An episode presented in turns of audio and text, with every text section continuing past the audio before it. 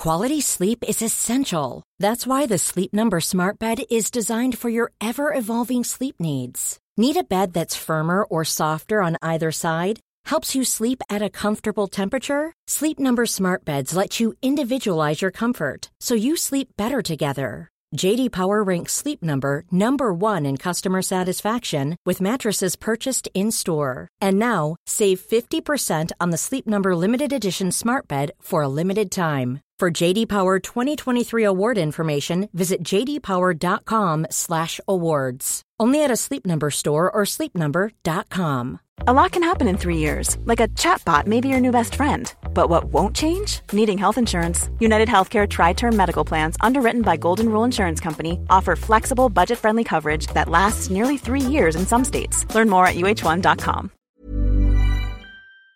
Hallå! Simon Gärdenfors heter jag och snart börjar min podcast Arkivsamtal. Som klipps av min redaktör Marcus Blomgren. Mycket nöje!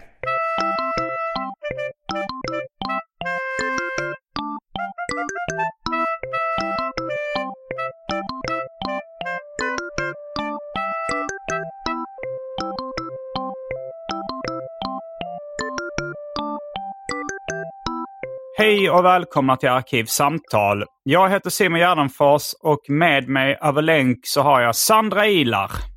Hallå, hallå. Du befinner dig i Sverige, Stockholm gissar jag på. Mhm. Gamla Enskede. Och jag... Gamla Enskede, ja just det. Eh, och jag är i Los Angeles. Mm. Det känns lite som när att ha kontakt med Armstrong uppe på månen. Varför det?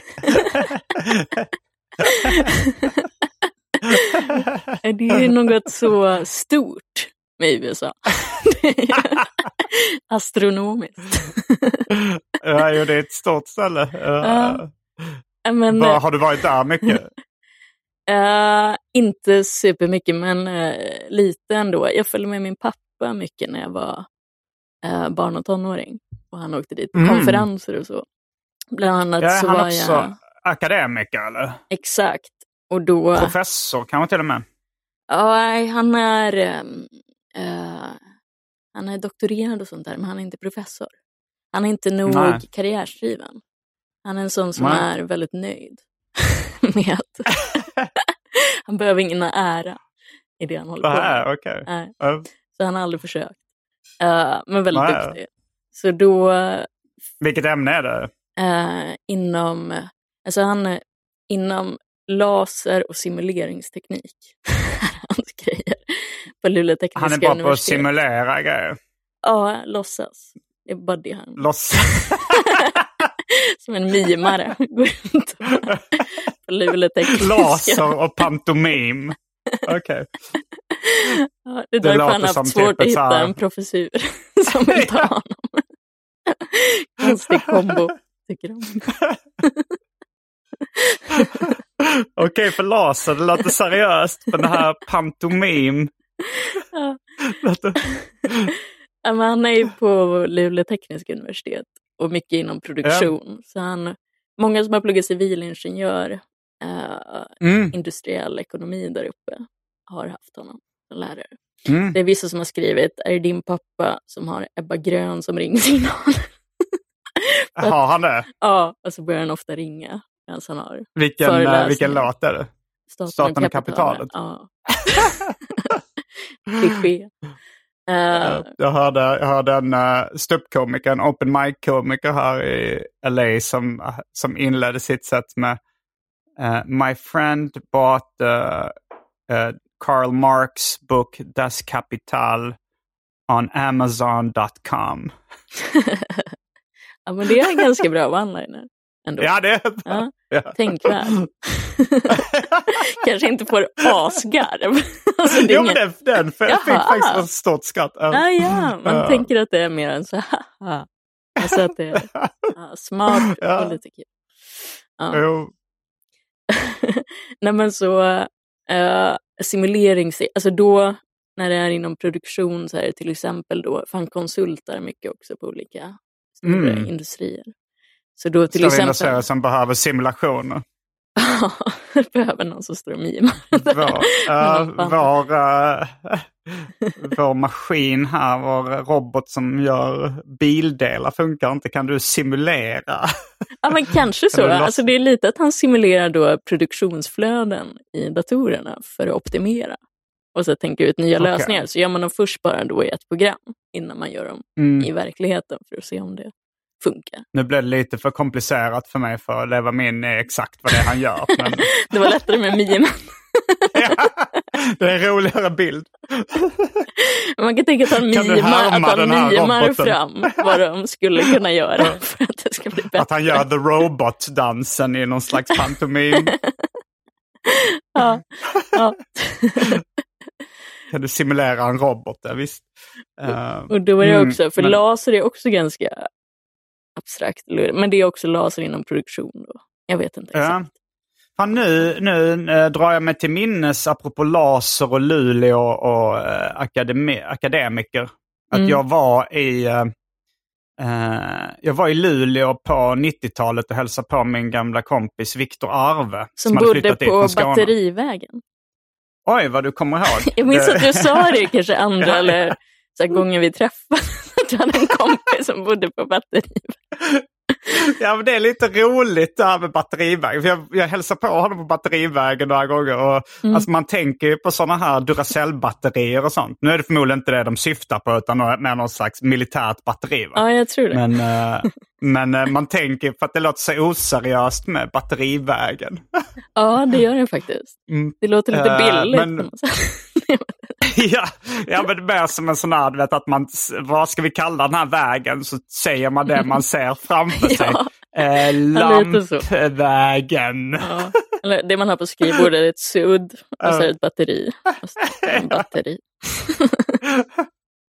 ja, jag tyckte telefonplan lät väldigt oseriöst också när jag flyttade till Stockholm i början. Ja, det gör det faktiskt. Jag och mina skånska kompisar fnissade lite när vi hörde telefonplan. det låter på samma sätt. Ja. Säger ungdomar telefon? De säger bara mobil va? Uh, ja, det har, det har jag inte tänkt på. Så det kommer nog låta väldigt, uh, ja exakt, ålderdomligt om ett tag. Ja, fast gatunamn och ålderdom, uh, det, det känns ändå rätt logiskt. Ja. Alltså man, uh, ja men Fatbursgatan och sånt där känns inte, det, då, tycker man, då ryggar man inte tillbaks i chock bara för att det är ett gammalt ord, utan det snarare Nej. känns mer som att det är i linje med man säger till och med gammalt som gatan. Det är till och med ett Ja, uttryck. det känns generellt som att folk har väldigt hög toleransnivå när det kommer till gatorna. ja. ja, fast ändå, jag, menar, jag, jag blev ändå lite chockad av batteri och telefon, att det känns för modernt liksom för att också lite. Ja. Men i alla fall där på Batterivägen i Luleå så um, så var jag, eh, min, min, eh, min kompis då, Viktor Arve, hans pappa Per Arve, eh, han, eh, han var akademiker. Han var säkert på Luleå universitet också. Mm. Han är ju säkert fortfarande akademiker. Jag tror han håller på med kärnfysik. Ah, ja, men då är de nog i samma hus, det här mörkblå.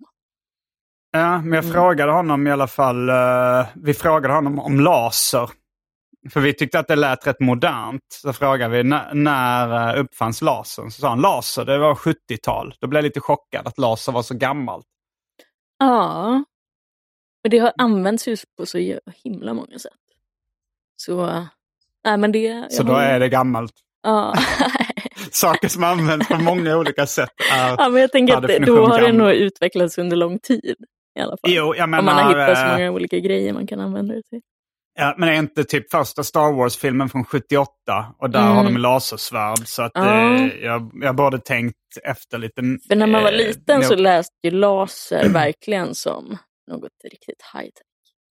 Ja, ja det är det fortfarande. Det är väldigt sällan man handskas med laser i, om man inte har en sån laserpekare. Är det förresten riktig laser?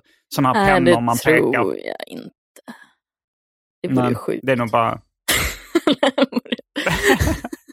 ja, det ser inte ut Men som det, det var ju lite sådana varningar när man var liten att man inte fick pe um. peka dem i ögat.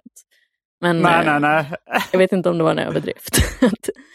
Efter Lasermannen så var kanske folk Ja, det är farligt om man skjuter folk i kombination ja. med att peta dem, peta dem i huvudet med laser. Men, men, bara, kan man verkligen bli blind av uh, att få en sån laserpekare i ögat? Uh, då ska den vara väldigt stark. För det är väl bara en lampa ja, det... egentligen som är ganska stark, men inte super. Det bränner ju inte hål med den lasern. Nej, då borde man sluta kalla den för laserpekare också. Ja, lamppekare. Nej, men jag minns att vi hade studiebesök när jag gick i tvåan hos min farsa. Mm. Att uh, man skulle mm. besöka någon som hade något roligt jobb. Så höll pappa på med laser okay. och robotar också mycket. Och programmera oh. robotar. För det är en del av Det låter ju spännande. Ja, okay. ah, så då ja. hade han en robot där och så skulle vi besöka den och så var det så Åh, vi Var det en humanoid? En Nej, det här var ju... när var det? Kanske 99, 2000? Eller så. Eh, så det var ingen jättehäftig robot. För när vi kom dit så hade han programmerat den här roboten så att den kunde skriva på ett papper. Men den mm. hade fått en tuschpenna där framme. Så kunde den skriva 2B. så det var det. Ni gick i 2B antar jag? Ja, exakt. Var... men, eh, men det var inte, den såg inte ut som, den hade inte ögon och mun och armar och Nej, sånt men den var ändå liksom. ganska häftig. Att den hade lite som en kran så här som den då höll pennan i och rörde sig. Mm. Ja. Jag, jag och Andreas såg en robot på gatan här i LA.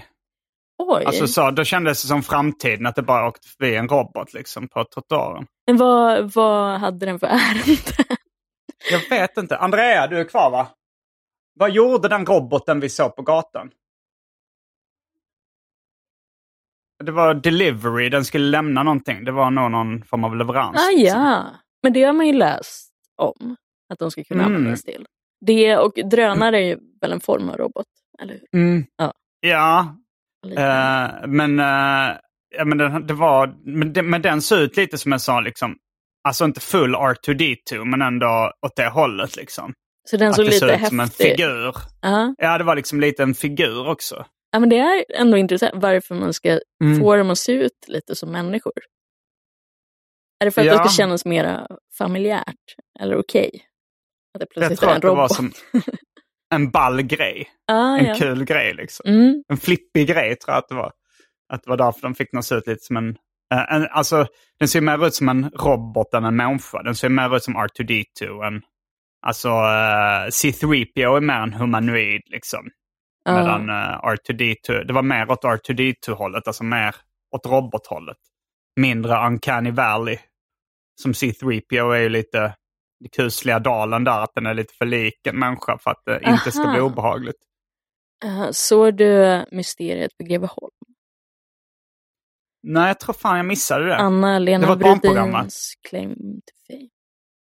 Mm, jag trodde hon uh, var slängd i brunnen. Uh, var ja, hennes men, claim to fame. Ja, min generation, det, det, det var flårtanten, eller um, deras morsa som är flårtant. Uh, mm. den. den var ju väldigt populär. Uh, ansågs som en bra Jo, jo jag har referenser till den. Men, men där är det en robot och den är ju väldigt gullig. Att det som mm. är mer ett husdjur. Ja, alltså mer som R2D2 då eller? Ja, ja exakt. Så jag, jag, jag, jag, har inte sett de här robotarna som du refererar till. Jag vet inte exakt. Men Greveholm-roboten är Har du sett R2D2? Ja, på foton. Aldrig sett Star Wars. Nej, det är lite originellt. Ja. Uh, men din pappa höll på med robotik eller håller på med det fortfarande? Ja, eller han, de hade fått något nytt nu under sommaren som han var väldigt exalterad över. Så det är ju mm. gulligt. Lite. En, en 63-årig nörd så det, är, ja. så det är fint. Men eh, då var han på konf- anledningen till USA då, så var det bland mm. annat då så följde jag med till New Orleans ganska, tror jag var där mm. kanske två, alltså ett par veckor. Mm. När jag var 16. Hur gammal var du då? Ja, okay. 16. Och så var han på och jobbade och höll på under dagarna. Och så mm. fick jag vara själv väldigt mycket. Och det mm. kändes som en så här, lite så här, växa upp. Alltså som, Eh, de här två veckorna. Yeah. Att jag fick gå runt på dagarna och kolla in New Orleans. Så det var ju ganska... Det här var innan Hurricane Katrina, men det var bara året mm. innan. Men det var ju fortfarande, mm. redan då var det typ the murder capital av USA. Jag tycker det är så många uh, amerikanska städer som claimar att vara the ah, murder jo. capital. Jo. Men ja. de, de, är väl det olika från år till år. Det är väl lite som uh, att vinna Melodifestivalen eller någonting. Ja, men det har ju alltid varit väldigt fattigt att det är den här söder. Ja, och så de här franska kvarteren, uh, Bourbon Street, alltid jättevackert. Och att det finns mm, Jag har aldrig varit där, men det är många som hypar det. Ja, men det är väldigt så här, alltså, estetiskt känslomässigt jättefint. För det är så melankoliskt. Att det finns de här vackra mm. gamla franska uh, alltså, påverkan därifrån, de här gamla fina husen, Mississippi River, men också då fattigdomen längre bort. Det finns ja, men att det är så mycket musik och ganska mm. Uh, skavigt. Att det är ganska slitet mycket. Men samtidigt vackert mm. på något sätt. Och så kyrkogårdar oh, ja. så här mitt i stan. Och, ja, det var skitfint verkligen. Det har varit mycket hype av New Orleans, eller uttalar sig New Orleans kanske, i ja, Arkivsamtal. Adam Svanell var där nyligen och pratade mm. om det. Kristoffer mm. Vita, han är väl också från Luleå, Kristoffer Vita? Uh, jag vet inte vem det är. Journalisten. Aha. Uh, jag tror han är, jo men han är från Luleå. Uh, Uh, han är journalist som jag, jag, känner som bor här i LA nu. Okay. Men han är svensk. Aha. Trevligt. Och jag tänker att ni borde vara i samma ålder ungefär. Ja, jag får kolla upp honom. Ja. Mm. Jag håller på att läsa en bok från, som utspelar sig i Luleå också, den här Häng City. Har du hört talas om den? Nej. Nej. Vem har skrivit? Jag kommer inte ihåg namnet just nu. Men den, den är bra. Jag har precis börjat läsa den. Men jag sa att uh, Ola Söderholm, han är väl också från Luleå? Mm. Jo, vi är han skrev något, på uh, samma gata. Ah, okej. Okay. Mm. Han skrev någonting i stil med, på Twitter skrev Ola Söderholm så här, jag blev helt knockad av mm. uh, Häng City. Fan Men är inte det han, och jag vet nog vem det jag som kolla. Jag, alltså boken, jag ser boken ah, Jag tror vi gick högstadiet ihop. Han är också från Björks. Alltså det är området jag ska, där jag... Och... jag... Jag hämtar den, vänta, för att som är så nära. Ah.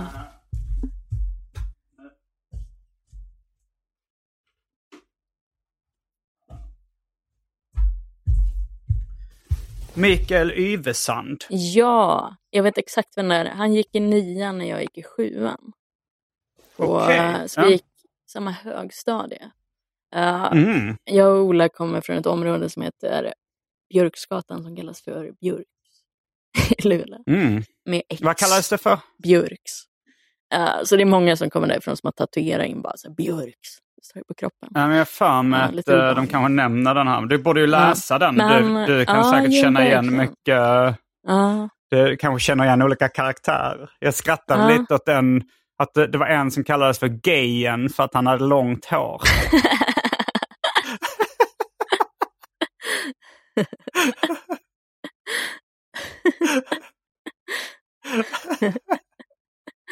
ja. ja, men det, det krävs inte så inte mycket.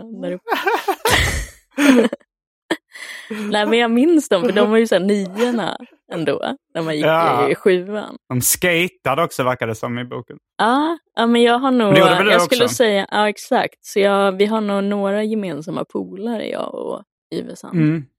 Uh, så jag vet vem mm. det är.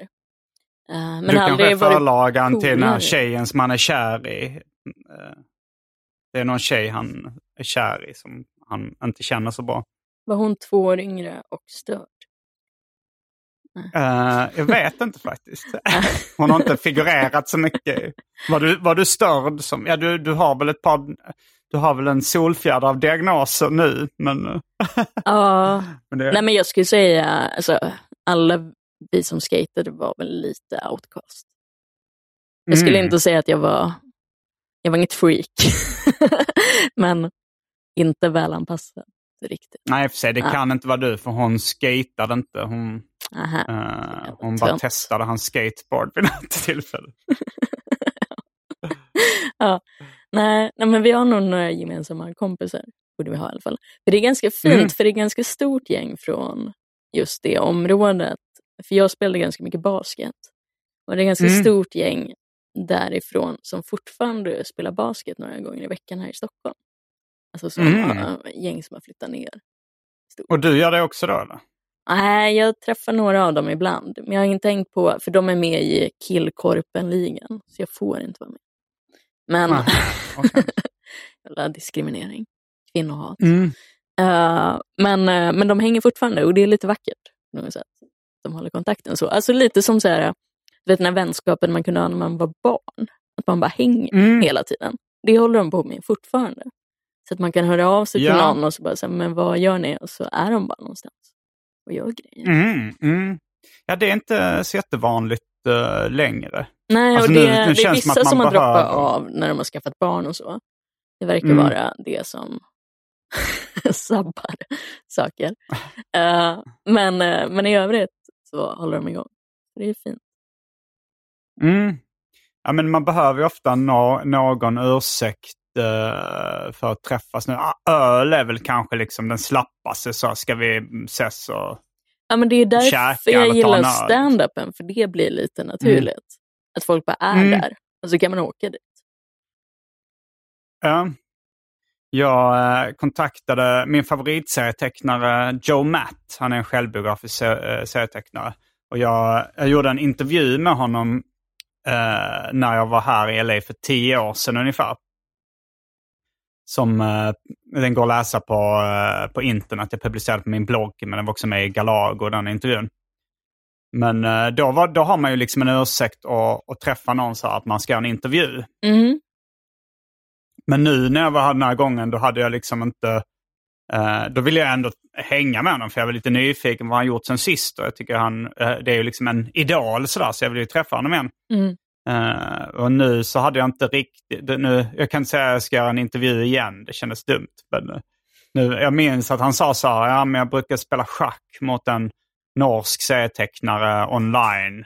Uh, Jason heter han, tecknaren då. men han har blivit för bra nu. Han har läst lite böcker och gjort, gjort lite så kurser i schack, så han är för bra. Det såg jag någon intervju tror jag, jag läste med honom. Men så, så tänkte jag, men jag har börjat spela schack mot Andrea lite. Och vi, ganska jämspelta, hon är lite bättre. Så jag skrev till Joe Matts och frågade om han ville spela schack. så skrev han, uh, ja visst, uh, men jag har inget schackbräde. men så sa så skrev jag att ja, men jag har ett litet schackbräde, vi kan ses på ett café eller något sånt och spela schack. Ja, men det är ändå okay. fint. Alltså det, mm. Dels att det är lite som när man liten på så sätt att man hade tv-spel hemma. Och då så bara drog man hem för att någon hade spelet.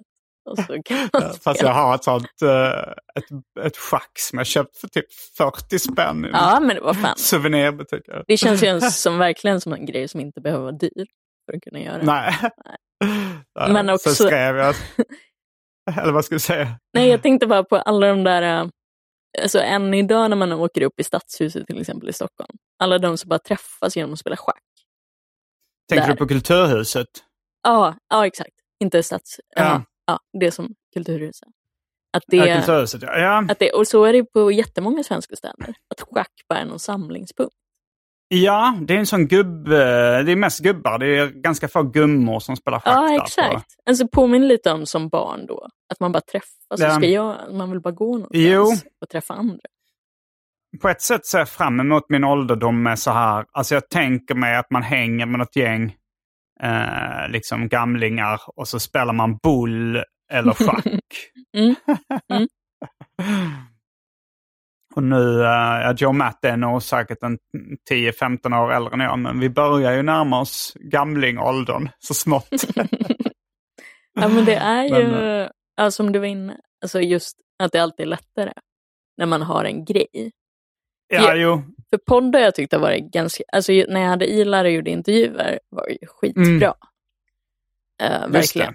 Alltså som du har arkivsamtal för att få till, mm. träffa folk göra något. Ja, serietecknaren Mats Jonsson anklagade mig för att uh, ha arkivsamtal bara för att hålla kontakten med mina gamla kompisar. Ja, men det är väl inget fult med det. Alltså det är, alltså, det är ju jätte... Det är väl bara finare att det spelas in också? Jo, det är ju det. Men det är ett väldigt bra sätt att hålla kontakten med gamla kompisar. Det är också ett bra ja. sätt att lära känna folk. Mm. Alltså när jag började med stand-up och sånt där så är det ju... Alltså jag... Det var ju så jag kom i kontakt med kanske Sven Melander och lite andra folk som jag sen har och även Peter Wahlbeck som sen har liksom varit med i Mina Problem och som jag har samarbetat med. Liksom. Ja men också, uh, för jag gjorde ju, nu gör jag inte Ilar längre, men när jag började med den så var det ju, då hade du nog hållit på, men det var inte jättemånga poddar. Utan det var, Nej. Så det var ändå lite, när man, när man frågade folk om de ville vara med i en podd, så var det inte bara så här, men mm. åh, ännu en. så bara, ska jag åka dit och jobba gratis? Utan det var ändå Nej. så att folk blev taggade. Så det var nog första gången när jag träffade Schyffert och sånt var när jag gjorde ilar. Och ah, bara ja. satt ner och pratade. Mm. Så det var ändå så många som Men... ville ställa upp. Bara för att man hade en podd. Ja, jag tror det är ganska mycket så samtidigt. Jo. Eller äh, fortfarande menar jag. Ja, det beror nog på vem som... Jag språket nu efter en månad i USA. Pratar du och Andrea svenska? ja. ja. Nej. Uh, nej men, uh, ja. Så det, det är ju ett bra sätt om någon vill hålla kontakt med folk och träffa. Mm. Men det är ju, för jag, jag läste bara någonstans häromdagen att folk upplever det så svårt att få nya vänner. Eller att många mm. svenskar överlag önskar att de hade fler kompisar. Starta en podd. Ja, ja. det, det är ja. tips. Eller schack då. Ja, just det. En schackpodd kanske. Ja. Uh, men, uh, jo men det är ju ett bra sätt, alltså som, det är också, som nu när jag är här i USA, då, då är, träffar jag ju inte mina svenska kompisar så mycket. Mm. Uh, eller, eller inte alls, förutom då de som bor här och, och sådär. Men, men det är ju så att och vi, skulle, vi brukar inte ringa varandra spontant och bara snacka en timme eller två till vardags. Nej. Så det är ju rätt bra, äh, ja, men även socialt det här. Äh, och sen att folk vill, äh, vill lyssna på det är ju, är ju bara en bonus. Men har du börjat träffa några amerikanska komiker? Ja, jag har börjat äh, hänga en del på open mics -huh. äh, här i LA. Och, äh, men jag har inte börjat umgås privat med, alltså man kan ju gå på open mics varje dag så då blir det ju mer som liksom Big Ben eller något sånt att man ses där. Uh. Uh, och, och nu börjar jag ju liksom känna igen känna igen folk och folk börjar känna igen mig och sådär. Men, men det, fördelen med det lite är ju att man inte har något socialt ansvar. Utan man kan mm, gå dit och så kan man dra när man vill. Det är inte som ja, ifall du säger så här, men nu vill jag träffa dig och så ska man sitta där och så är det en viss förväntning på att det ska vara lite trevligt. alltså, mm. för, då, för då kan du ändå så känna av läget och vilka du gillar och så mm. sen sticka när du känner för det. Ja, det är det perfekta brottet. Ja, ja. för det, Men, jag minns när jag... Evelyn flyttade till England. Då hade vi ja. först hållit på ett tag ihop i Sverige.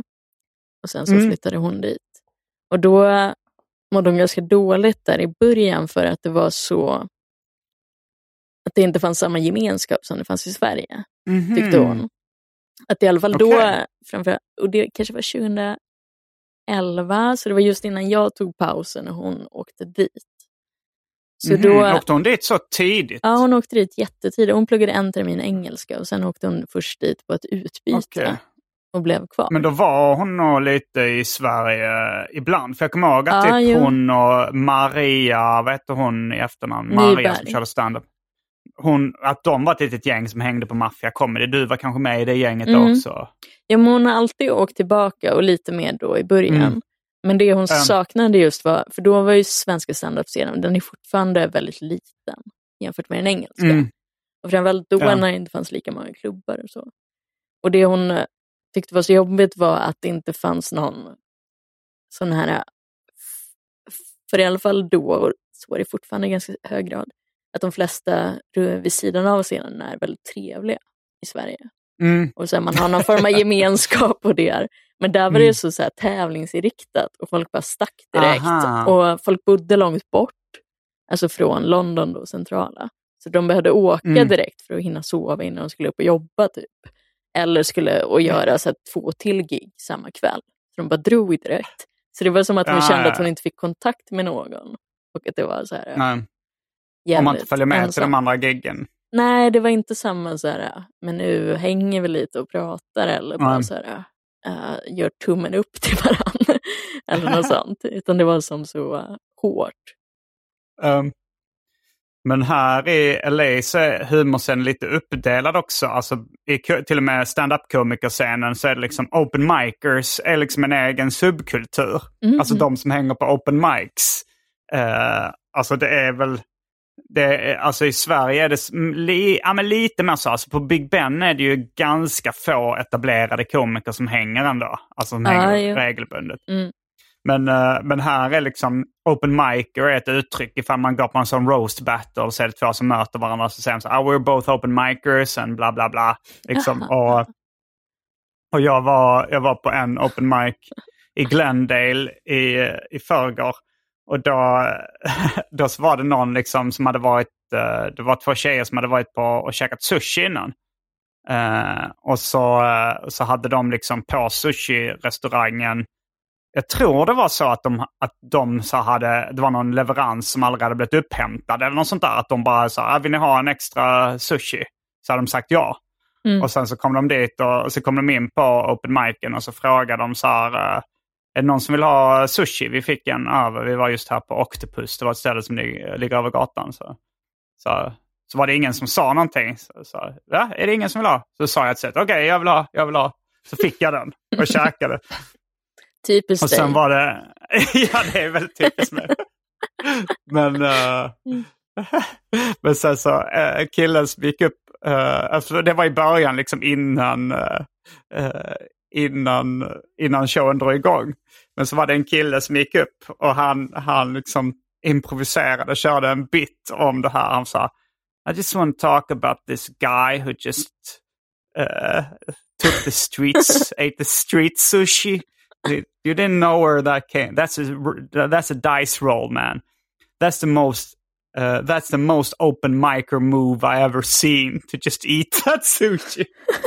att det var så här att open micers är väl så low life.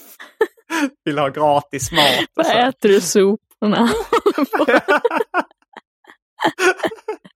så det, det kändes ändå bra att jag passade in i, i uh. open mic-scenen. Och gjorde the most open mic move ever. Men när du, då, då är du jävligt anonym när du är där. Att ingen ja, har koll på dig överhuvudtaget. Nej, nej, nej. Jag, jag, det, det, det, är verkligen som att börja om från scratch. Jag har ju noll status liksom. Och noll kompisar. Eh, jag börjar lära känna lite folk där så smått. Men, men märker du någon skillnad äh, i trenderna jämfört med i Sverige? Eller så vad folk håller på med på scenerna? Ja, det, det, är, det är ganska lite skämt-skämt. Alltså ah, ja. så här, tydlig setup punchline. Uh, jag har också märkt att alltså de, de Men det är ju en fördel för dig, gjorde... för då sticker du ju ut. Ja, men det funkar inte så bra när jag kör mhm. punchline. Mm. Alltså nu när jag har testat att köra mer bara uh, en annan stil där man mer pratar om riktiga grejer, då, uh, då funkar det bättre. Jaha, då gillar jag inte skämt. Nej, alltså, Nej, alltså de, deras syn är det, eller nu, nu kanske jag överdriver lite, men uh, det är lite som att deras syn på det är som att jag uh, går upp och drar en Bellman-historia. Mm -hmm. liksom. Mm. Mm. Alltså ungefär som visst, den var en kul Bellman-historia, men varför men gör du det här? De känner att det är lite onaturligt. Att det inte ja, pratas jo. på normalt sätt. men det jag har hört också om LA och så, när jag lyssnar på de amerikanska komiker jag gillar, alltså typ mm. Doug Stanhope och sådana, att då mm. LA är väldigt många skådisar som kanske vill göra olika typer av karaktärer och så. Mm. Och visa vad de kan som skådis. Alltså lite mer då berättande, som det du sa. Yeah. Att man så pratar om sig själv eller visar känslor och säger olika saker. Eller då gör mm. rena att man så här, äh, spelar upp olika typer av människor och kanske plötsligt sjunger lite. Ready to pop the question? The jewelers at BlueNile.com have got sparkle down to a science with beautiful lab-grown diamonds worthy of your most brilliant moments. Their lab-grown diamonds are independently graded and guaranteed identical to natural diamonds, and they're ready to ship to your door. Go to Bluenile.com and use promo code LISTEN to get $50 off your purchase of $500 or more. That's code LISTEN at Bluenile.com for $50 off. Bluenile.com code LISTEN.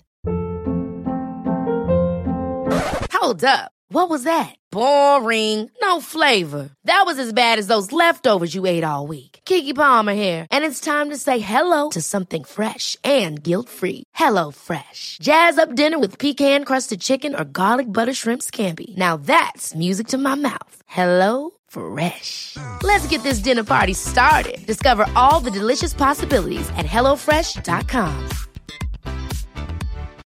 Millions of people have lost weight with personalized plans from Noom, like Evan, who can't stand salads and still lost 50 pounds. Salads, generally, for most people, are the easy button, right? For me, that wasn't an option. I never really was a salad guy. That's just not who I am. But Noom worked for me. Get your personalized plan today at Noom.com. Real Noom user compensated to provide their story. In four weeks, the typical Noom user can expect to lose one to two pounds per week. Individual results may vary. Ja. Uh, För det man egentligen alltså vill göra så... är att vara skådis, men man... Då. Jag såg några sådana för länge sedan. Alltså jag har varit i LA ganska många gånger på sista tiden. Men alltså för kanske fem år sedan och sånt så var det, så var, var det lite mer skådisar. Nu tror jag att liksom stand-up mer har utvecklats till att de som är på de här open mic-scenerna mer vill bli ståuppkomiker. Mm. Mm. Men jag tror att det här med, med one-liners och skämt-skämt är lite mer old school. Att det var liksom så Mitch Hedberg och Steven Wright och Rodney Dangerfield och sådana mm. liksom, är den gamla skolan. Mm. Men, I mean, uh, uh, Sarah Silverman och Bill Burr och, och lite liksom de nya komikerna kör inte så mycket skämt-skämt. Sarah Silverman gjorde det mycket i början. Ja, men de gör inte det längre. Aha. Och mm. det kanske Louie och de gjorde i början också. Nu mm. är inte liksom de kanske de nyaste komikerna, men det är ändå de som är liksom aktiva nu. Mm. De, eh, de här one-liner-komikerna jag nämnde är, inte, är döda eller inte aktiva. Ah, ja, så det är ändå inte som så här, Tignotaro i England, att man ska prata om något väldigt personligt. Alltså hon gjorde... Confessional comedy. Ja, exakt. Och sen så på Edinburgh efter det, för hon gjorde ju då en special om... Är hon, hon britt? När hon jag nyss, hon var... Jag tror, det var i alla fall... Ah, mm, jag, jag undrar att hon hade cancer. Hon hade. Ja, exakt. Hon gjorde det just när hon hade fått besked om att hon hade bröstcancer. Och så, så det blev väldigt personligt den specialen. Hon pratade utifrån mm. det och väldigt roligt. Men efter det då ja. på Edinburgh uh, så var det att jättemånga då, att det blev så nästan en trend. Att man skulle mm. göra då en show om något väldigt personligt. Det mörka partiet i mitten. Ja, mm. men till och med efter det. Alltså det skulle inte bara vara ett parti utan att det skulle då vara Nej. hela showen skulle handla om något som var på riktigt. Just det, det var till och med någon, uh, någon kvinna som gjorde en show utan skämt. Typ som bara... bara, alltså, bara en monolog. Alltså. Ja, men ja. jag för mig det att den blev ganska hyllad. Den kom från ah, ja, ja. ja, men typ men, så äh... att så här, vitsarna då, eller skämten eller pansen då, mm. som de säger, att det inte var det centrala, vad man hade för skämt, men... utan mera... Ja. Pan är väl mer en ordvits? Ja, men också...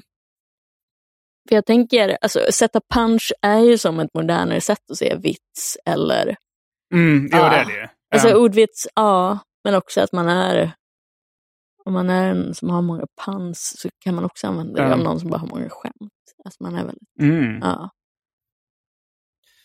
Ja, nej, det, det, ja, men det är lite så confessional comedy fortfarande. Jag såg en kille på Comedy Store som gick upp och pratade om att han har fått sin cancerdiagnos nyligen också. Och, så, mm. och han var liksom mer så här, inte jättekänd liksom. Utan mm. mer, han gick, eh, bara någon Oh. Alltså det vore ju nästan spännande att hitta på något sånt. alltså bara för att se hur många som skulle köpa det. Sen är man ett jävla rövhåll när man avslöjar det, men det vore ju spännande uh, som ett experiment. det blir inte roligare. Alltså det kanske ger uh. en, en, en, ett, ett, större djup eller liksom en klang i botten eller sånt, att folk blir intresserade av det. Men folk uh. skrattar inte mer för att någon är sjuk. Eller? Men jag kan många gånger känna, alltså just när det kommer till vad jag hör andra kan prata om och så har någon så intressant grej mm. eller så bara som jag kan tycka tar något så mycket alltså bara från sitt liv. Som man kan stå och prata mm. om och så känns det väldigt på riktigt. Att han har ja. bilat droger och håller på. Uh, mm. och så, jag har ju inget sånt. Alltså jag är så jävla medelsvensson. Du har ju dina diagnoser. Ja, men eh, det känns också så här, hur jävla länge ska man mjölka det? alltså det hur jävla speciellt är det? Varenda jävla har väl ADHD. Ja, så det är men inte... jag menar, ju, ja, ju mindre Det är att jag har lite autism liksom, också, så det är ju det, krydda lite. men, sen, men sen är det ju också liksom att ju mer man är som folk är mest, desto mer kan ju folk relatera till det. Och det jo. blir ju också bra. Ja, men jag liksom, är väl väldigt mycket Svensson Svensson, alltså som de flesta svenskar är.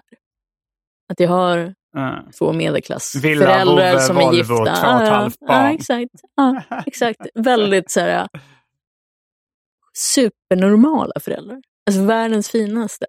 Men nästan så, mm. jag vet, eh, min man sa att de nästan är så ordnade att de är tråkiga. Alltså det är så här, noll.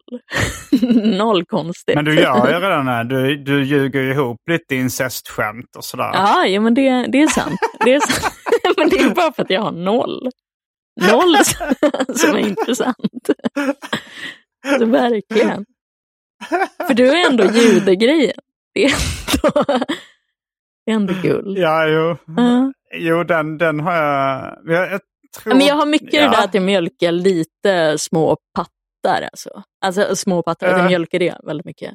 Det är din judendom. Ja, ja exakt. Lite så att jag försöker haka på det här med kvinnokampen. ja, det märks inte så tydligt i så fall. Nej, att du försöker haka på den. Nej. men, men, inte, ja. Jag försöker det jag kan. mm. Men uh, en grej jag skulle säga om Joe Matt då när vi, uh, där jag skulle träffa, alltså jag ska träffa honom på söndag, det vill säga i övermorgon när jag spelar in det här. Mm. Men då så, så, skrev, uh, så skrev jag så här, ah, men vilken dag, så när, när har du tid att ses? Så sa han så här, Ja, nej men fan eh, vilken dag som helst. Eh, jag har inget liv, skrev han. Mm. och så skrev jag uh, I, I suggest uh, this Sunday. Då skrev han Sorry I'm busy. Var det planerat skämt? jag vet jag tror det var ett spontant skämt. Och sen ja. så skrev han just Uh, haha, mm. just kidding, uh, Sunday is good. men det är ju inte bara så här allmänt frilans, att man alltid kan. Men man kanske jo, inte alltid har men, men han, Nej, men han, alltså, hans liv är ett mysterium hur han försörjer sig. För att han, han har ju tecknat så 15 sidor serier på ungefär lika många år. Så mm. han kan ha tecknat en sida serie om året. Liksom. Mm. Och, uh, han lever i och för sig extremt billigt, men frågan är liksom... För det, det måste ju ändå betala hyra här i LA. Och men jag hade alltså, nog ändå någon så föreställning. För jag pratade med en uh, svensk kvinnlig, ganska stor serietecknare, tänker jag. Men hon kom, sa att hon... Du, du vill inte nämna några namn? Men, Nanna Johansson. Ja, ja, ja. Och hon mm. sa att hon knappt kan leva på en bok i Sverige. På en bok? Ja. Äh, inte för resten av livet såklart. Nej, men som att nästan så här då förskottet man får är slut innan den är mm. utgiven. Mm. Uh, jo, det, så är det ju. Det beror på hur, alltså som med allting annat så är det ju så här. Uh, om du är ståuppkomiker i Sverige så mm. är det mm. ju, alltså jo det kan vara lite skillnad eftersom uh, hon är en av de mer kända serietecknarna. Ja exakt, jag tänker ju henne som mm. framgångsrik. Så då blir det som så här, ja. ja. Men, men så här, Liv Strömqvist är ju superrik. Mm. Uh, och, hade, och hade lugnt kunnat leva på sina serier. Men då blev hon uh. utgiven i väldigt många olika länder. Exakt, och har på något sätt utvecklat sitt medium, om hon då börjar som serietecknare, till ganska många andra mm. former. Alltså som ja. då radiogrejer och det har ju Nanna också till viss del, men även ja, så här Dramaten, teater och pjäser mm. och allting. Jo, absolut. Men hon är också liksom uh, den, den näst mest uh, framgångsrika serietecknaren i Sverige genom tiderna internationellt. Mm. Så att uh, det har ju gått alltså, bra bara med serien också. Ja, verkligen. Ja. Han som tecknade Adamsson, enligt Johan Andreasson som brukar gästa den här podden, så är, jag kommer inte ens ihåg vad han hette som brukade teckna serien Adamsson, men det här var ju liksom eh, förra sekelskiftet eh, mm. som han var stor liksom och, internationellt. Men då var det verkligen serietecknare, det var liksom det var den dominerande, tecknade serier var liksom den största underhållningsformen, eller en av de största. Det kanske var det och musik, alltså tv hade inte slagit igenom. Nej, det var och, innan äh, TikTok. Ja. Nej, men så de, mm. de liksom serietecknarna, som, om de fick en hit med Gasoline Alley eller något sånt så kunde de bo i liksom en stor villa med pool och leva någon slags lyxliv. Ja. Mm, men uh, det, Nej, men det en... var bara lite, men marknaden är ju ganska liten i Sverige. Det får man ja, säga. Även svensk standup mm. är ju ganska liten jämförelsevis. Jo, det är mm. väldigt många fler som eh, konsumerar standup än som konsumerar tecknade serier i Sverige för tillfället. Ja, men det är kanske för att serierna är så mycket äldre. Så man tänker att det är fler. Att, ja. Du tänker att uh, för det är ett gammalt fenomen. Ja, men på 80-talet var det väldigt stort fortfarande. Mm. Och 90-talet uh, var det hyfsat stort också. Det, alltså det pikade. Det har ju pikat liksom serieintresset i Sverige. Ja. Uh, ja men det har det nog. Men det är nog att jag bara tänkt att det är bokform, det är utgivet, det marknadsförs. Mm. Och att jag har tänkt ja. att det är något folk läser. Alltså bara för att det är gammalt. Alltså, det finns i alla dagstidningar och sånt. Så jag har alltid ah, tänkt finns det, det fortfarande? Och så sa folk läser mm. inte ens dagstidningar på det sättet som ja, man men de flesta. Men det är ju en utdöende generation. Nej, nej. De, flest, de flesta läser väl inte dagstidningar? Nej, de flesta är alltså, äldre tänkte jag. Jag tänkte min föräldrageneration ja. och dem, att de fortfarande har. Ja, men då läser de väl på iPad och sådär liksom. Uh, mina föräldrar, eller min morsa gör det i alla fall. Jag vet inte om min pappa, han kanske har dagstidning. Ja, alltså men jag skulle ändå säga mina föräldrar, de läser på nät, men de tycker om att ha det i papper. Mm. Och lösa korsorden och sånt där. Och sitta. Ja, pappa gör det. Jag gör det också. Va? Vilka serier läser du varje morgon? I Norrbottens-Kuriren. Så jag minns att vi både jag och min pappa, när vi sen pratade den dagen, hade reagerat mm. på att Nemi var borta. Vad heter hon? För att Brukar hon har... ni läsa NEM? Nej, men vi hade gjort det båda den dagen. Alltså, jag skulle inte säga att jag är okay. dagligen, men om jag läser Norrbottens-Kuriren så läser jag serien mm. också. Så vi båda hade då suttit med tidningen, okay. det var jag var hemma i Luleå över jul, den dagen. Mm. Så då på kväll, för hon blev ju bortplockad för att hon gjorde något som var, det var mot någon, någon form av jakt. Antivargpropaganda. Ja. ja, exakt, så hon hade blivit bortplockad. Um. Men både han och jag hade reagerat på att hon var borta den dagen.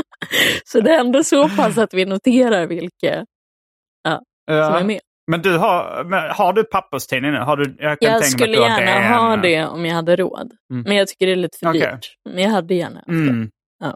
Men läser du serierna, läser du serien när du, även när du är hemma liksom, på eh, dn.se? Jag vet inte om man kan Nej, läsa jag gör det inte på där. nätet. Så jag tror att Nej. det är väl en sak också de tappar på. Att man inte läser ja. allt i tidningen som man kanske gjorde förr. Alltså jag gör, ibland när jag bor på hotell och de har uh, dagstidningar liksom i, i frukostbuffén. Mm. Uh, alltså där hotellfrukosten. Det, är ganska, det blir mer, mer och mer ovanligt att de har det men jag har hållit på med stand-up i, i snart tio år. Liksom. I början var det ju så här ofta man gick. Uh. Då brukade jag ibland bläddra igenom dagstidningen och då var det ju, uh, då liksom kollade jag igenom serien också mer av gammal nostalgi kanske eller bara för att se hur det är. Men alltså det, det är ofta så också att man blir chockad chockad över hur dåliga de är. Alltså skämten. Hur jävla B. Alltså man läser Baby Blues eller Zits eller... Men jag skulle liksom. ändå säga att fram tills jag var 18, tills jag bodde hemma, så läste jag det varje dag. hela den sidan. Ja, men tyckte du det var roligt? Nej, jag minns framför allt så Fantomen, att det var helt obegripligt. Ja, att det ja, alltid det var så, bara att han stod och plötsligt såg något och så fattade man inte vad det var. Och så bara nästa så bara han bara sprang i djungeln och så bara så här, ja. Och sen hade han plötsligt träffat någon där och så bara, nu händer det här. Och så bara, så här, vad det är det som händer? ja. Tre rutor och sen ska man vänta 24 timmar. ja. Det är helt absurt. Ja, exakt. Men, uh, men de är, Rocky var väl den, den sista dagspressserien som var rolig skulle jag säga. Mm, den hade inte Norrbottenskuriren. Nej. Nej. uh, Men eh, för då tänkte jag ändå så att alla som är publicerade i tidningen så med serier lever på det här. Mm. Alltså de måste vara så jävla mm. stora och tjäna skitmycket. Alltså Lise Myhre som tecknar Nemi blev nog rätt förmögen på det också. Mm. I Norge är det också, verkar det också vara en mer liksom, vibrant seriescen. Okej. Okay. uh, av någon anledning. Alltså han som tecknar Pondus är också rätt lik uh, Frode Överli tror jag han heter. Mm. Uh, men på tal om men, uh, just det där, för i, här i Sverige är det nu, sen du lämnade, mm. jag skulle inte säga en total oro, men en viss oro över lågkonjunkturen och standardbiljetter. Mm, Finns det det jo, men det märkte jag precis innan jag... Uh, ja, men de, det är mycket prat om lågkonjunktur här också. Mm. Uh, och jag vet inte, liksom, det, det, är väl säkert ungefär samma här som i USA att ja, men om du är eh, Bill Burr eller Johan Glans så har du aldrig några större problem att sälja biljetter i vilket fall som helst. Men mm. är du på någon slags mell mellannivå så, så är det säkert lite tuffare. Ja, ja verkligen. För typ alla inslag man ser med folk som säger vad prioriterar du bort först? Så är det ju mm. att gå på nöje i någon form. Mm. Mm. Nöje är också, äta ute. Så ja, också lite, mm. folk har inte riktigt kommit igång från uh, efter pandemin heller. Nej, jag snackade med någon både... bara så Uber, Uber sa så ja, jag fan, jag gick rätt mycket på stand-up innan eh, pandemin. Mm. Okej, okay, men inte nu efter pandemin. Nej, jag har inte riktigt kommit igång med det igen. Liksom, jag har inte kommit in i gamla vanor igen. Liksom. Nej, och det är så också det... lite, för jag i alla fall, för jag ansökte aldrig om något, för jag har inte AB och så. Vilket jag borde ha skaffat, men det hade jag inte gjort. Så det var så det få bidrag jag kunde söka. Och det var också mm. så här, men vilka gig har du inbokade som har ställts in? Alltså bara, nej men jag har inga inbokade för det är pandemi. Men det borde se mm. ut så här som det brukar se ut. Och så. Ja. Så det var så himla svårt vad man kunde söka och inte. Så jag tömde ju typ alla sparkonton skulle jag säga.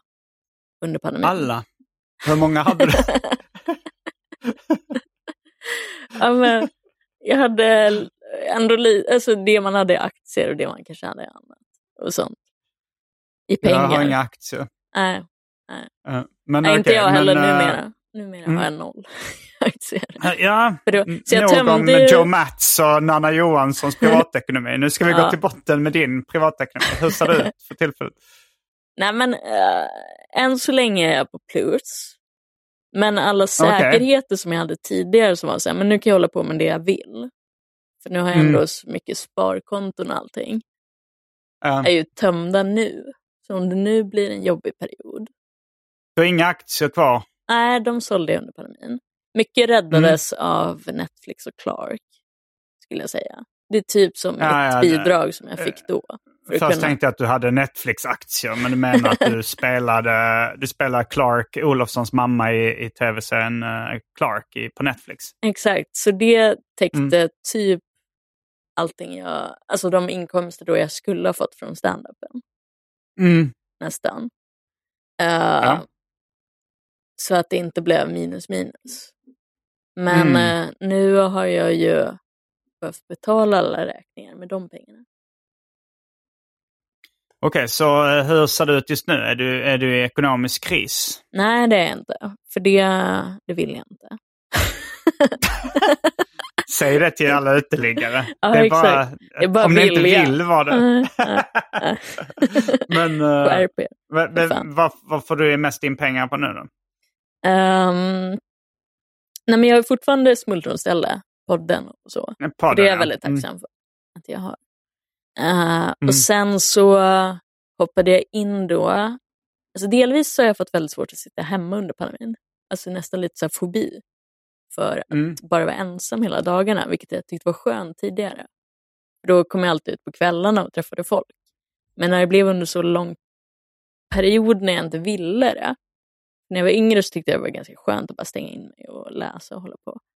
Men eh, så jag har fått lite svårt, så därför började jag hoppa in i skolan. Mycket mattelärare så på olika ställen.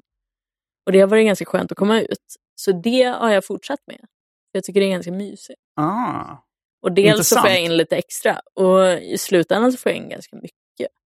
Bara på att hoppa mm. in. För det är så jävla många skolor som behöver mattevikarier. Jag ska låta dig fortsätta, men jag kom på en grej. Vi har, vet du vad vi har glömt? Uh... Det omåttligt populära inslaget Välj drycken.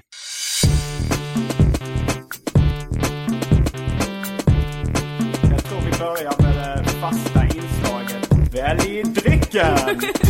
Häng med! det är inte riktigt rätt ordning. Nej, Men uh, här, kommer, här kommer mina alternativ. Jag tror i mm. stort sett att jag bara har vatten och uh, en öl av märket Bitburger i kylen. Vad har du mm. för alternativ? Uh, jag har kaffe, kallt. Mm, lite mineralvatten. Och så har jag vatten. Varmt. Sen har jag och Nico en sprithörna. Okej, okay, ja. Är den uh, diger? Uh, sådär ska jag säga. Vi har konjak, vi har vodka, mm. vi har olika whiskys. Vilket har... märke på konjaken? Uh, Grönstedt. Mm. Har ni någon uh, japansk whisky? Nej. Vi har, uh, vi har hällt över dem i glasflaskor. Mm. Så det är lite fancy. Så jag vet inte exakt, för jag har druckit så jävla lite hela sommaren. Jag brukar mm. inte dricka så mycket, men jag har typ druckit en, två gånger. Hur höstigt är det i, i Stockholm nu? Relativt. Det... det... Nej, men det är beroende på var man är i världen. Men det, det, ja. det är, har varit lite varmare de senaste dagarna och inte regnat. Men det är lite ja. rött, lite orange. Mm. Mycket bärnsten ute. Vad väljer du för dryck? Mm. Skulle kunna ta lite whisky. Mm. Bara för att jag inte har gjort det på så länge. Uh, jag tar uh, Bitburger starköl. Men uh, då är vi strax tillbaks med dryckerna kända från det omåttligt populära inslaget Välj drycken. Häng med!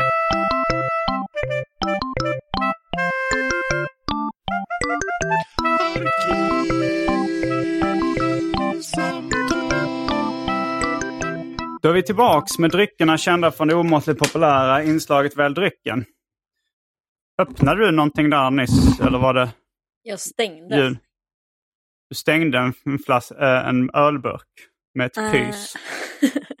mineralvatten. Okej, okay, då ska jag öppna min ölburk med ett pys. Så. Uh, har du varit med om den här grejen? Vad blev det förresten? Mineralvatten och whisky eller vad? Ja. Jameson och Ica kolsyrat vatten från Gutsta källa. Gutsta? Ja, det låter inte så jävla härligt. Guds stad, jag tänker på knattarna i den där gamla brasilianska filmen. Ja, men det, det är som Gutsta. Gutsta. Gutsta, okej. Okay. Ja. Uh, jag kom på en grej, alltså det här uh, som du säkert har varit med om, det här att man hälsar på någon, man, man, alltså när man, man hälsar spontant på någon man känner igen. Liksom. Mm. Uh, jag gjorde det på häromdagen så var jag, jag skulle gå till en, en open mic på en comedyklubb i Santa Monica. Och så var det så här, bara gick jag runt hörnet och så hälsade jag på någon jag kände igen. Liksom. Och sen uh, kom jag på, fan det där var ju Adam Sandler. Oj. som bara stod... jag bara så, jag gick förbi så här, så här, hello. Eh, för att jag kände igen honom liksom.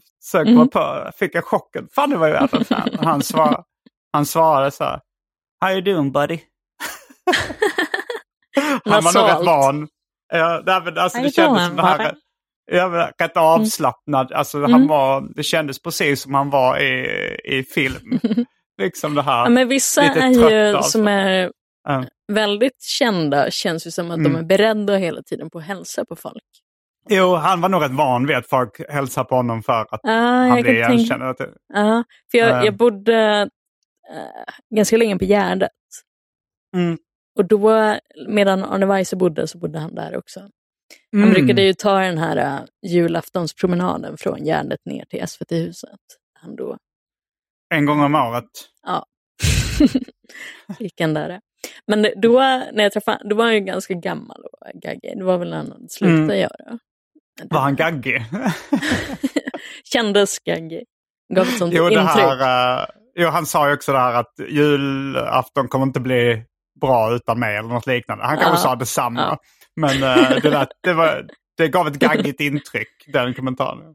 Ja, men det kändes som en del av hans ålderdom hade blivit att han direkt hälsade så fort han såg någon. Hej hej! det var okay. som att istället för att vänta in att han är så pass folkkär folk som säger hej Arne, du vet mm. så, att han som tar det innan och som är på och säger hej, hej, hej.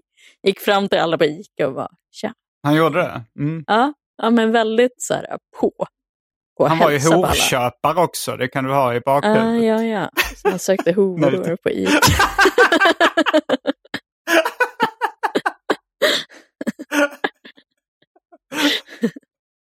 det var det. Ja, han hälsar aldrig på mig, kan jag säga. ja. han erkände det i sin självbiografi, att han hade köpt sex. Ja. Men uh, det är väl kanske då man är känd på viss nivå, att man är redo. Ja, man är redo att köpa en håre. det är med, båda gäller. Andrea berättade att hon, är, att det, hon blev tagen för hora på tunnelbanan. Hur märkte hon det? det kom fram en man och uh, tittade på henne konstigt och frågade Are you hustling?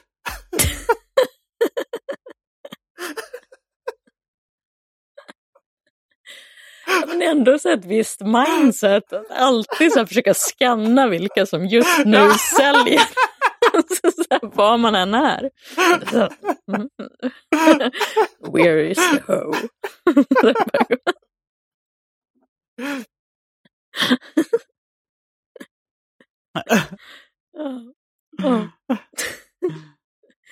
Men det var alltså i lite USA.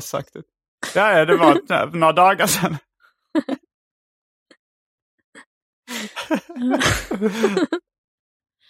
Har du någonsin uh, fått den frågan? Uh, nej, jag tror inte det.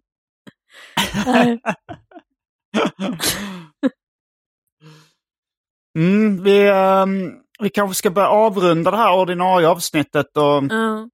På tal om Luleå så fick jag en gång på när jag var det var innan jag hade flyttat, jag kanske var 17, 18. Mm. Frågan om jag kunde mot utbyte av pengar eller alkohol göra mm. vissa saker mot en man. Men han var inte okay. en man, han var typ två år äldre. Bara. Ja, ja, ja. ja. Alltså han, du, du var, vad sa du att du var 17 eller något sånt där? Ja, han kanske bara var 19. Okej, okay, och det hade... var sexuella tjänster? Ja, som att han sa att han gillade att bli förnedrad. Okej, okay. han typ vill inte bara bli roastad. Nej, som att jag typ kunde ha på mig klackeskor och köra ner i halsen på honom. Ja, ja, ja. Men då, då fick du ändå frågan av en straffmyndig ja. man.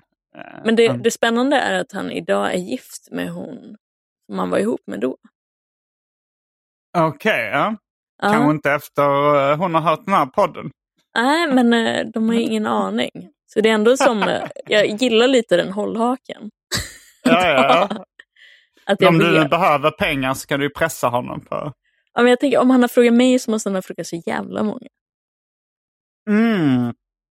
Nej, eller så... Ja, eller, eller så, så hade eller jag så var du speciell. det kanske är dominanta, att det känns som att jag skulle kunna göra det. Ja, men du, uh, du skriker på scenen på ett lite dominant sätt Ah. ibland. Mm, det Eh, du gjorde det med förr. Du, Ja. Men det kanske du inte hade börjat med då. Nej, Men det kanske var mitt eget fel. Mm. Var du berusad vid tillfället? Nej, utan det var så här på chatt. Du vet på datorn. Ja, att han ja, bara ja. skrev MSN. Ja. Att man höll på. Ja, Jag var med och gjorde en parodi på en, en eh, sexistisk man i en domstol som frågade Ah, på ja. för om hon var berusad vid tillfället. Ja. Mm. Annan. Hur var du klädd och så vidare.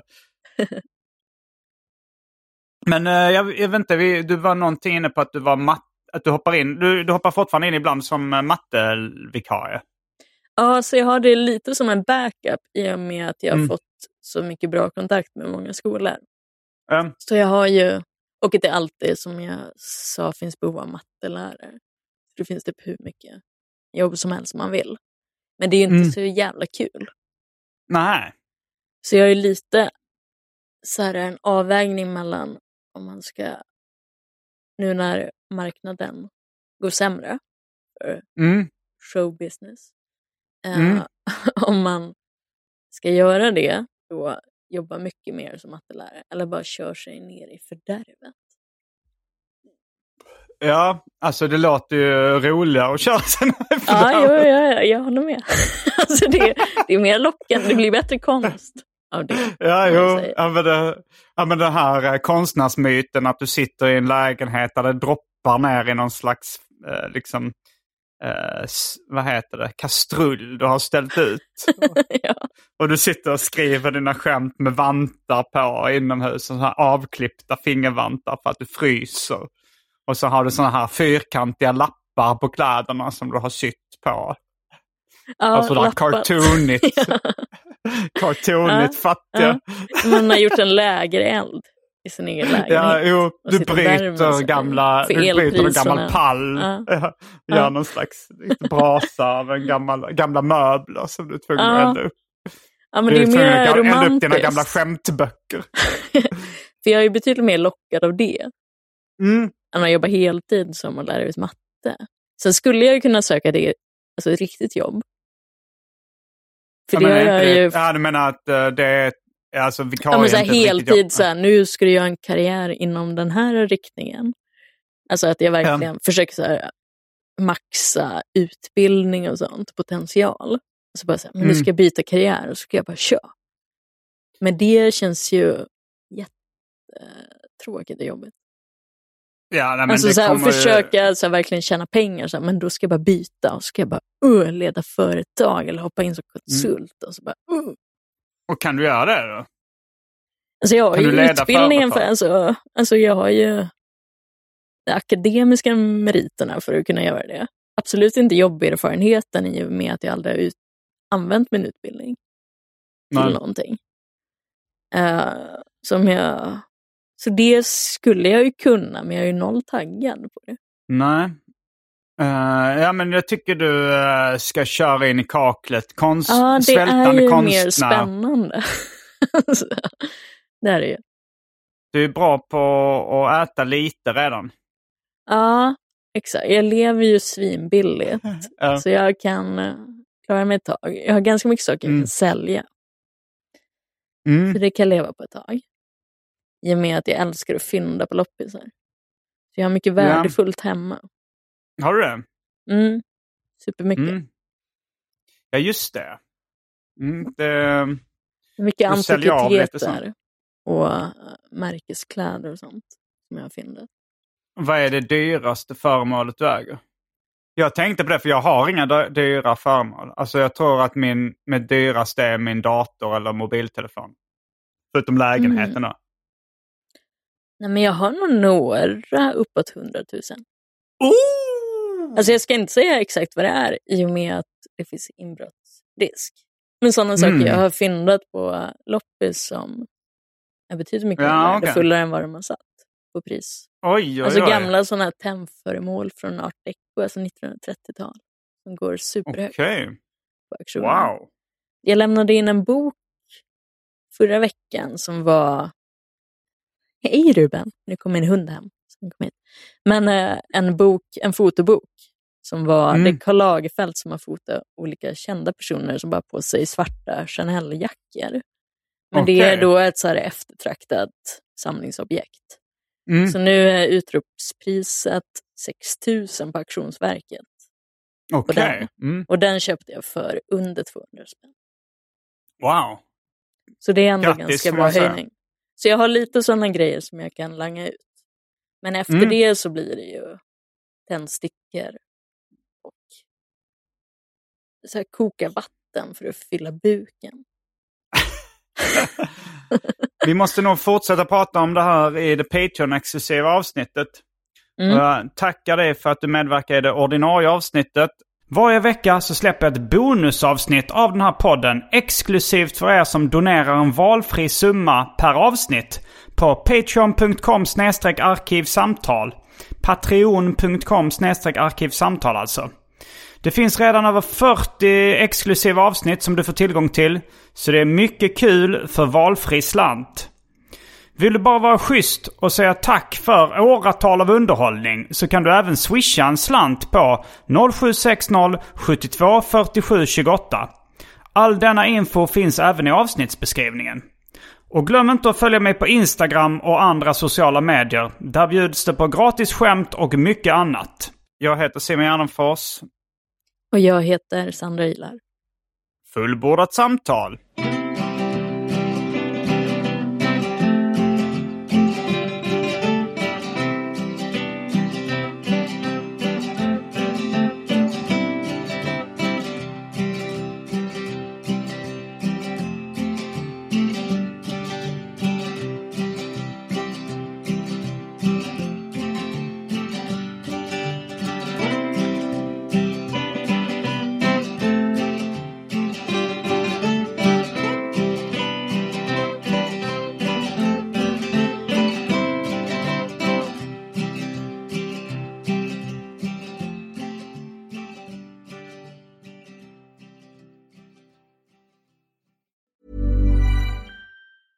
Ever catch yourself eating the same flavorless dinner three days in a row?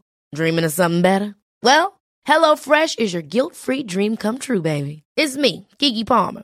Let's wake up those taste buds with hot, juicy pecan-crusted chicken or garlic butter shrimp scampi. Mm. Hello Fresh. Stop dreaming of all the delicious possibilities and dig in at HelloFresh.com. Let's get this dinner party started. Hey, it's Paige DeSorbo from Giggly Squad. High quality fashion without the price tag. Say hello to Quince. I'm snagging high-end essentials like cozy cashmere sweaters, sleek leather jackets, fine jewelry, and so much more. With Quince being 50 to 80% less than similar brands.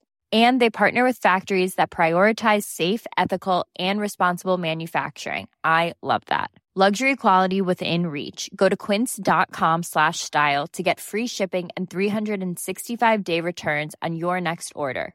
Quince.com slash style.